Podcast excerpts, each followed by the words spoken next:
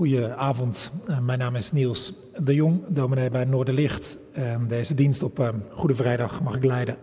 Goede Vrijdag. De dag dat er wereldwijd wordt stilgestaan bij het lijden en sterven van Jezus Christus. En ook wij doen dat vanavond. Onder andere door het avondmaal te vieren, brood en wijn tot ons te nemen. En we lezen vanavond dat verhaal van het kruis. En we vragen ons af wat daar gebeurde, hoe dat voor ons uh, van betekenis is. En maar we lezen eerst dat verhaal uit Luc Marcus 15. Gewoon maar in zijn geheel. Ochtends in alle vroegte kwamen de hoge priesters, de oudsten en de schriftgeleerden en het hele Sanhedrin in vergadering bijeen.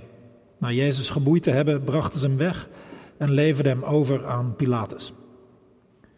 Pilatus vroeg hem: Bent u de koning van de Joden? Hij antwoordde: U zegt het.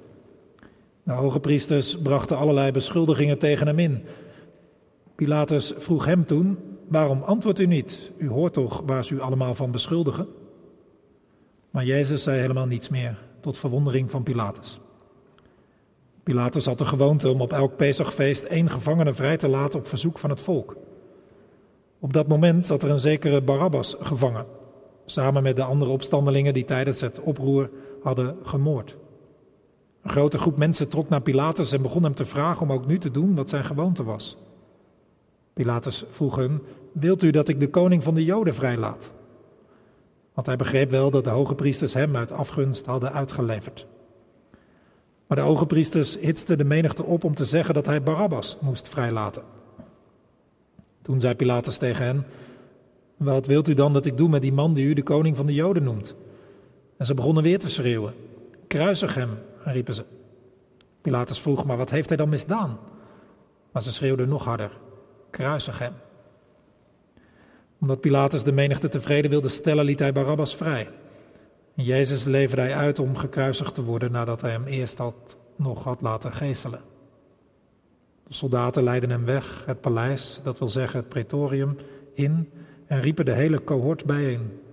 Ze trokken hem een purperen gewaad aan, vlochten een kroon van doorntakken en zetten hem die op.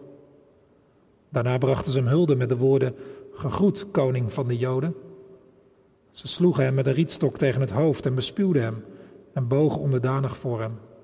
Nadat ze hem zo hadden bespot, trokken ze hem het purperen gewaad uit en deden hem zijn kleren weer aan.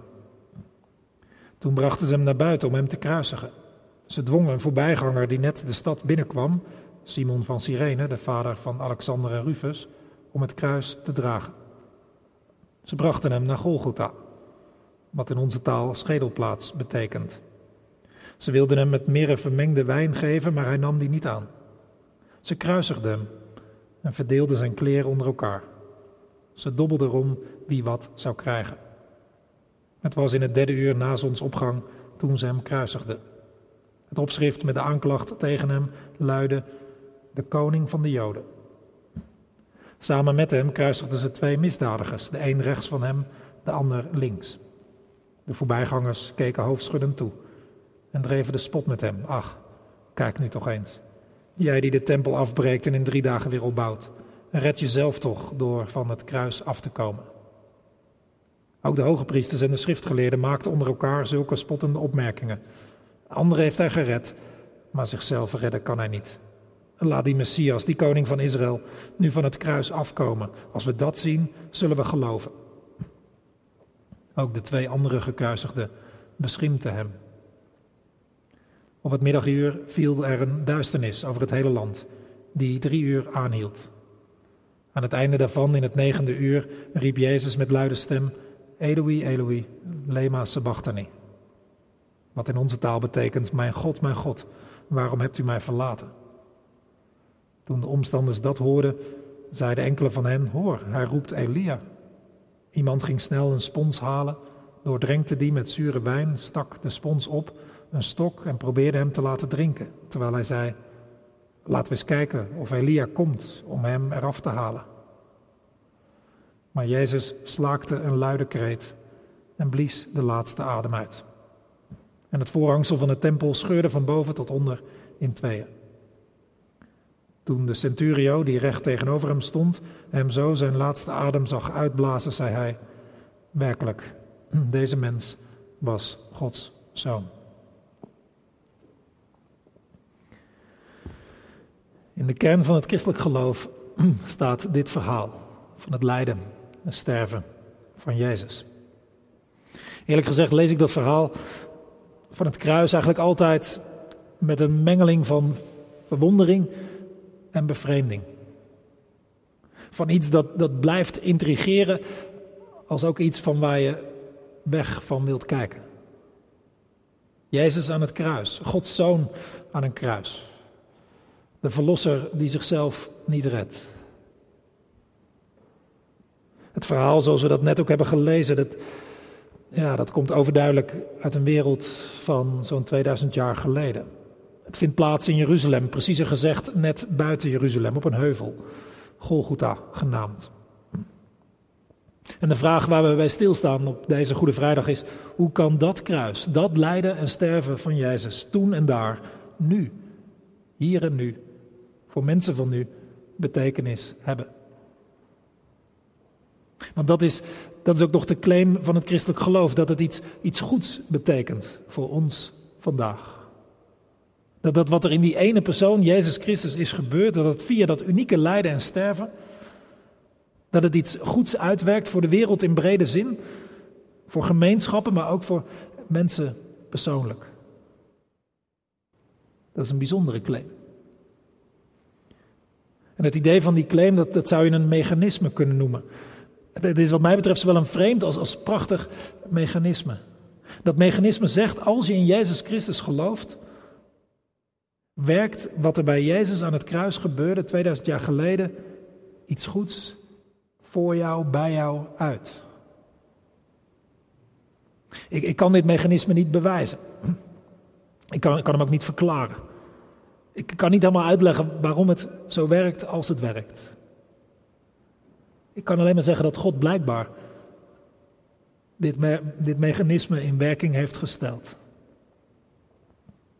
Ik, ik, kan het dus niet uitleggen waarom precies en, en, hoe het dan, dan werkt, maar ik weet wel dat de geschiedenis door velen hebben ervaren dat, dat het werkt. Die hebben gevoeld die, dat het waar is, die zijn erdoor geraakt en weten op heel diep niveau dat, dat, dat het zo is. Vandaag kan ik ook jou niet uitleggen waarom dit mechanisme zo werkt als het werkt. Ik kan alleen van zeggen dat God het blijkbaar zo heeft gewild. Het, is een beetje als uitleggen waarom er liefde is. Dat is ergens ook een geheim. Waar je ook niet precies de vinger op kunt leggen. Kun je ook niet precies verklaren hoe dat werkt tussen mensen en, en wanneer het precies plaatsvindt en wanneer het gebeurt of hoe. En elke verklaring die je geeft schiet ergens ook tekort. Of dat nou meer de neurobiologische verklaring is, of, of de meer sociaal-wetenschappelijke verklaring, of, of nog weer een andere verklaring. Dat, dat verklaart het allemaal maar zeer ten dele. Maar wat we wel kunnen doen als het gaat over de liefde, is elkaar over vertellen. We kunnen er verhalen over vertellen, bijvoorbeeld. Of voorbeelden van geven. Hoe het gaat. En zo kunnen we meer en meer in de liefde gaan geloven. Nou, zoiets is het ook met dit mechanisme. Dat is ergens ook een geheim. Niet, niet precies te verklaren. Maar we kunnen er gelukkig wel iets over zeggen. Uh, iets over vertellen. Vooral. Het verhaal erachter, maar gewoon blijven vertellen. Dat is de kerk ook blijven doen, eeuwenlang. En dat, dat is het beste ook. Gewoon het verhaal van Jezus, maar erbij stilstaan, erover nadenken. Hoe vreemd het ook is. Hoe ellendig dat kruis ook is. Hoe naar het ook is. Hoe triest het is dat mensen zo kunnen doen zoals ze hier in het evangelie van Marcus ook doen. Dat, dat is iemand geestelen, iemand aan het kruis slaan. Iemand naakt te kijk zetten, iemand die aan spijkers hangt provoceren. Dit is, is vreselijk naar. En toch lezen we dat verhaal maar gewoon elke keer weer. We zingen erover. We denken erover na via het avondmaal. Zeker op Goede Vrijdag staan we stil bij dat verhaal, maar, maar ook vaker. En als we dat doen, en als je dat voor jezelf doet, dan kun je er zomaar in gaan geloven. Op vertrouwen. Voor, het eerst of voor de zoveelste keer. Dat je aanvoelt, ja dit, wat daar gebeurt. Dat, op de een of andere manier, eh, geheimzinnig ergens. Maar op de een of andere manier merkt het. Doet het iets. Werkt het iets uit. Verandert het. Mezelf. En mijn band met God. En met dat je het leest, of erover zingt, of erbij stilstaat, of erover nadenkt, krijg je het vertrouwen. Soms zomaar. Onverklaarbaar. Dat het ook voor jou is, wat daar gebeurde. Ook voor de mensen om je heen, voor, voor de hele wereld. ook voor jou. Dat God het op de een of andere manier daar goed maakt. Dat op de een of andere manier verzoent, vrede geeft, rust, vergeving. Nou, ook ken je het mechanisme ergens al, misschien al heel lang, dan is het belangrijk om elke keer weer bij stil te staan, om het uit te diepen. Om de rijkwijde ervan te verkennen. Want het is, het, is, het is eigenlijk onmogelijk om ervan te denken, nou ja, nou, ik weet hoe het zit, ik weet hoe het werkt. Ik ken het al. Nee, dat, dat kan niet.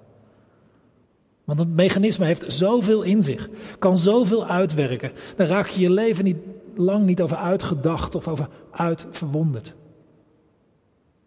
Want het is als, als een diamant met heel veel kanten. Of als een prachtig schilderij waar je naar kunt blijven kijken. Of naar het mooiste lied waar je naar kunt blijven luisteren.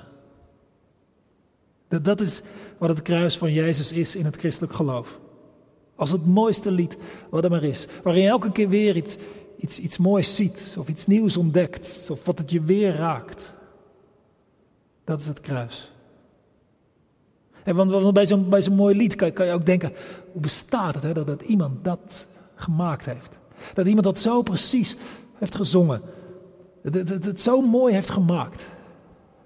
Nou, nou, zo, is, het ook met het kruis. Dat, dat, bedenk je eigenlijk niet. Je kunt je erover verwonderen dat, dat iemand dat bedacht heeft. Is echt zo mooi. Zo goed. Zo treffend. Zo raak. Maar, maar wat werkt het dan uit? dat, dat mechanisme, dat doorgeloof, dat dat gebeuren van 2000 jaar geleden bij ons iets uitwerkt. Wat is dat dan, dan dat iets? Wat, wat werkt het dan uit? Nou, nou, zoals bij een lied, een schilderij of een diamant ook bij iedereen weer net iets anders kan oplichten, zo is het ook bij het kruis. Elk facet van het lijden en sterven van Jezus heeft iets te betekenen voor ons. Werkt iets uit vandaag de dag bij jou of mij? En, ik ga, een heel rijtje voorbeelden noemen van, van, van dit mechanisme. Door allerlei facetten uh, even te noemen. Elk facet van het kruislijden, van die kruisdood van Jezus, werkt iets uit. Ik ga, het niet allemaal uitleggen. Nee, ik leg bijna niks uit. Maar, ik hoop dat je er iets van proeft, hoeveel het is. Hoe divers, hoe veelzijdig, hoe groot die betekenis is van het lijden en sterven van Jezus. Jezus werd gebroken, daar aan het kruis van Golgotha, zodat wij geheeld zouden kunnen worden. Jezus kreeg de schuld toen en daar, zodat wij vergeven zouden worden. Jezus werd verlaten, zodat wij nooit verlaten zouden zijn. Jezus ging dood, zodat wij kunnen leven voor altijd. Jezus kreeg wonden, zodat wij genezen zouden worden. Jezus hing in een schandelijke naaktheid, zodat wij nooit meer ons zouden hoeven schamen. Jezus werd arm om ons rijk te maken. Jezus gaf zijn leven, zodat wij het zouden krijgen, het leven. Jezus ging kapot, zodat wij heel konden worden. Jezus ervaarde de afwezigheid van God, zodat wij voor eeuwig de aanwezigheid van God zouden kunnen beleven. Jezus had een vreselijke dorst, zodat wij vervuld zouden kunnen raken. Jezus werd gevangen om ons de vrijheid te bezorgen. Jezus daalde af tot in de hel om ons de hemel te bezorgen. Jezus verloor om ons te laten winnen. Jezus werd niet gered, zodat wij wel gered zouden kunnen worden. Jezus werd onschuldig gestraft, zodat schuldigen hun straf konden ontlopen. Jezus werd verraden om ons liefde te geven. Jezus werd bespuugd en besmeurd om ons zuiver te maken. Jezus werd geslagen om de klappen voor ons op te vangen. Jezus werd veroordeeld zodat wij vrijgesproken zouden worden. Zo, zoveel is het. En dit lijstje is niet uitputtend. En over elk zinnetje zou, zou ik een heel verhaal kunnen houden. Hoe dat precies werkt en wat het je dan precies geeft. En hoe je dat kunt meenemen je leven in. Ga ik allemaal niet doen, alleen bij één zinnetje. Jezus ging dood om leven te brengen voor ons. Jezus kwam naar deze wereld. Hij, hij, kwam van God uit. Die Romeinse legerleider die besefte het goed. Dit, dit was niet zomaar een mens die daar sterft. Werkelijk, deze mens was Gods zoon, zegt die legerleider daar. Ja, deze mens, deze, deze Jezus kwam bij God vandaan. God kwam in Jezus naar deze wereld. God, de oorsprong van het leven, kwam in Jezus, in deze aardse werkelijkheid. In deze werkelijkheid deze aardse werkelijkheid waarin alles vast zit in een bepaalde levenscyclus. En hoe levend, bloeiend en groeiend iets of iemand ook is. Of nou een mens is of een dier of een boom of een plant of een organisme is. Het stopt na verloop van tijd met leven. Geen mens, dier, boom, plant of organisme kan het leven vasthouden. We wel doorgeven gelukkig, maar, maar moet het leven ook weer afleggen.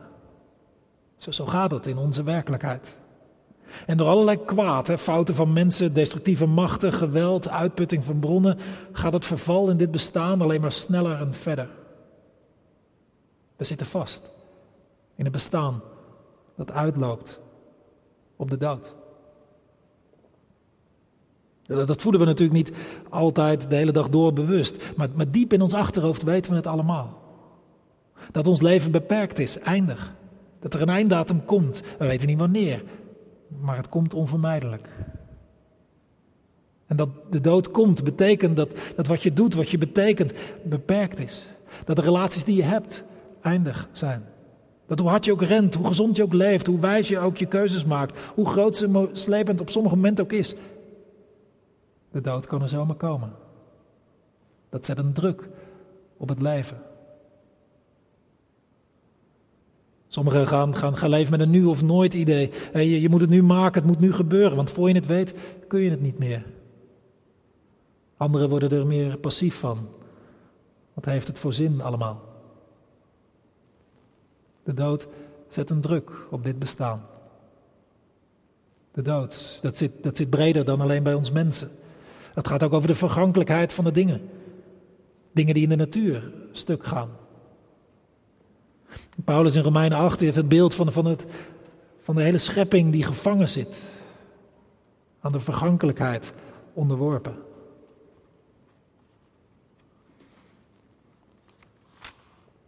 En in dat bestaan, in die aardse werkelijkheid, komt Jezus. Hij wordt ergens het leven genoemd. Hij heeft niet alleen een leven, hij is het leven. Want hij is op een bepaalde manier God en mens. En die Jezus die kwam om ons het leven te geven. Eeuwig leven. Dat is niet zozeer een verschrikkelijk lang leven. Het is ook niet zozeer een verlenging van het, van het leven dat we hier kennen. Het is vooral het, echte leven. Een leven dat niet meer stuk kan. En, en om ons dat te geven, ging Jezus zelf ten onder in de dood. Hij droeg onze dood, onze vergankelijkheid, onze sterfelijkheid. Omdat God niet wilde dat wij in die dood zouden eindigen. Maar dat echte eeuwige leven zouden ontvangen. Jezus ging het graf in, en een stenen voor, vast, klem, dood. Om ons te begrijpen, te bevrijden. Uit de greep van de dood. Om ons te verlossen van de druk die de dood legt op ons bestaan. Jezus stierf dus, hè, dat was het idee. Om jou en mij het leven te geven. Hoe dat precies kan, is een zaak van God. Dat het kan, is te danken aan God. Waarom het kan, is dankzij de liefde van God. Die jou en mij en deze hele aarde en al wat erop leeft niet in de dood wilde laten eindigen. En daarom in Jezus kwam en zelfs de dood op zich nam. Om leven te geven. Vandaag willen we ook stilstaan bij die dood van Jezus. Via die oude tekenen van brood en wijn. Vlak voor zijn gevangenneming vierde Jezus dat avondmaal met zijn leerlingen. En hij droeg hen en daarmee al zijn volgelingen op om dit te blijven vieren, dit avondmaal. Om te blijven herinneren wat hij heeft gedaan, hoe hij zich heeft opgeofferd. Het was de bedoeling dat het een actieve herinnering zou zijn en altijd zou blijven. Maar misschien heb je dat al klaarstaan en anders zou je dat straks bij het lied nog even snel kunnen pakken.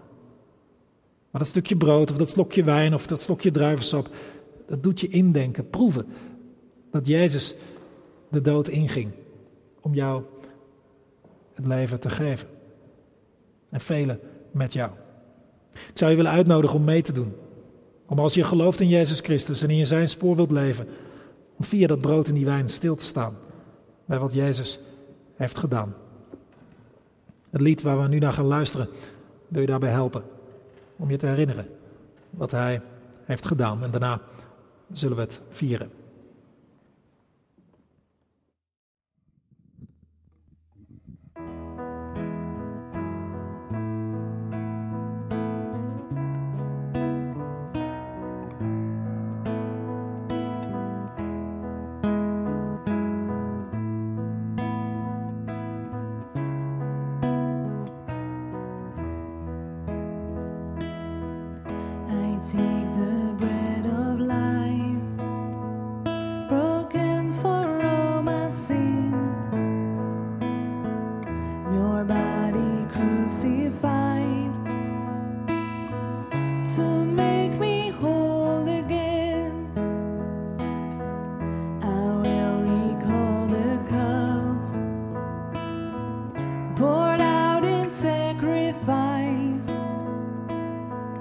to trade the sinners and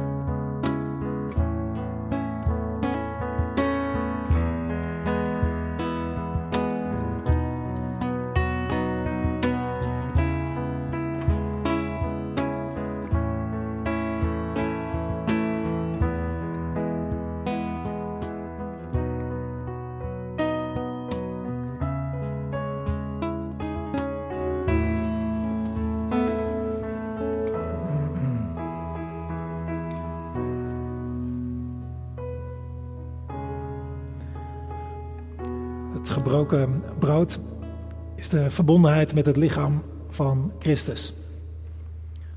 Neem, eet, herinner je en geloof dat het lichaam van onze Heer Jezus Christus gegeven is tot een volkomen verzoening van al onze zonden.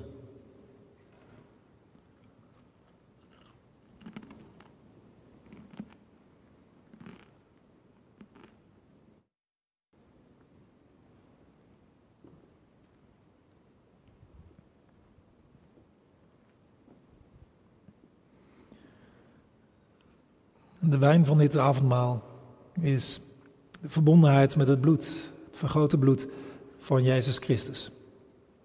Neem en drink. Herinner je en geloof dat het kostbaar bloed van onze Heer Jezus Christus is vergoten tot een volkomen vergeving van al onze zonden.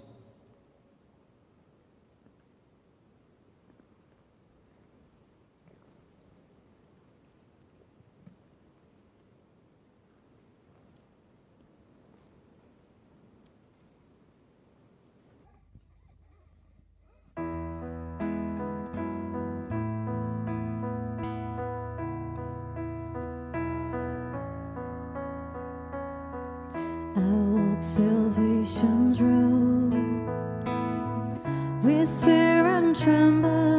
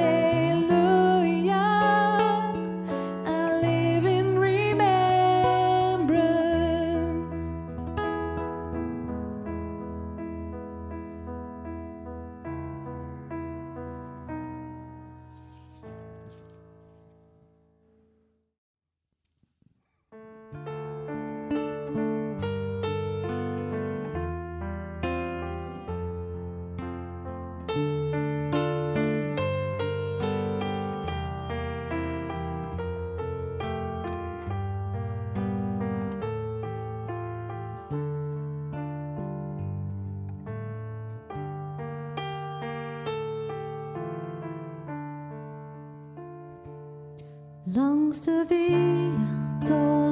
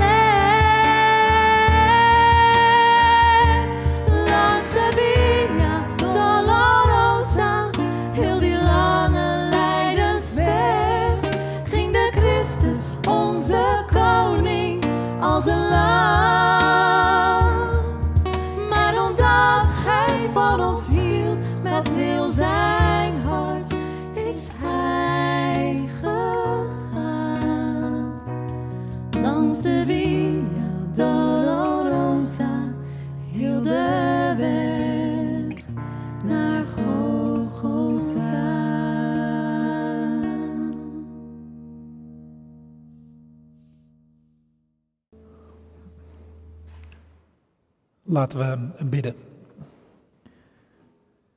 Heer Jezus, dank u wel dat u gekomen bent. Dat u afgedaald bent in deze aardse gebroken werkelijkheid, waar zoveel vergankelijkheid is, zoveel dood. Dat u daarin gekomen bent om te leven, een leven te brengen. Het was door uw eigen dood heen.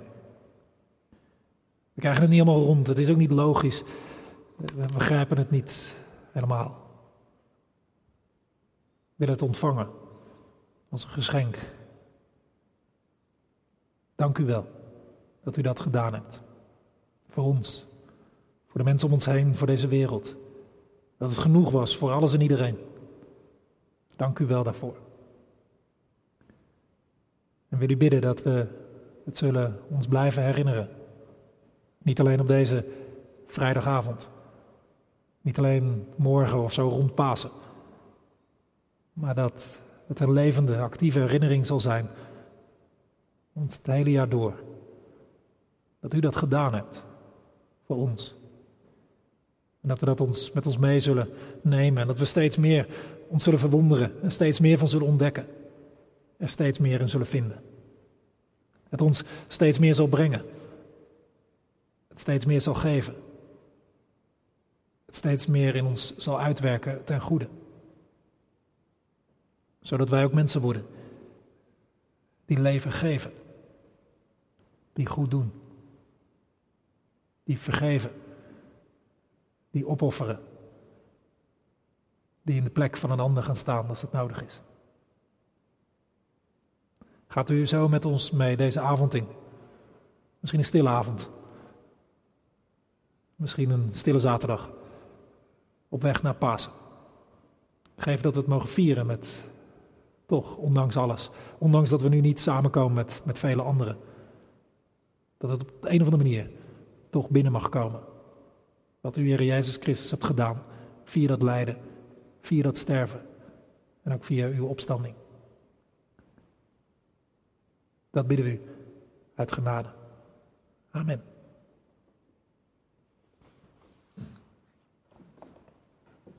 Mm-mm.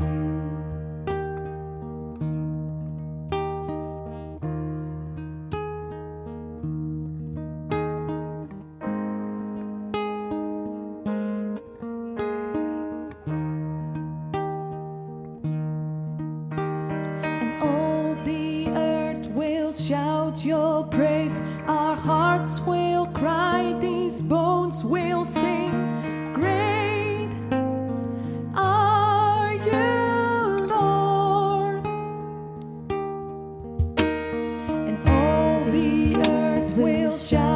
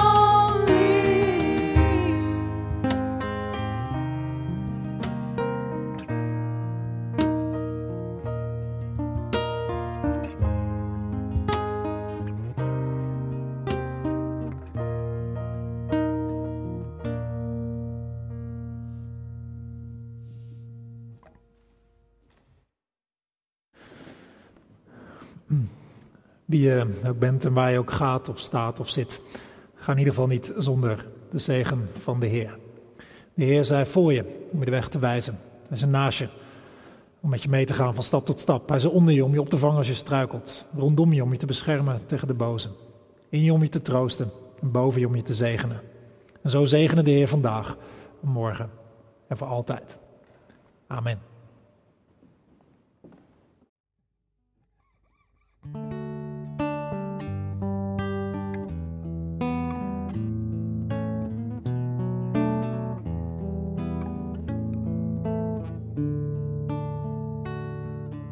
Jezus leeft.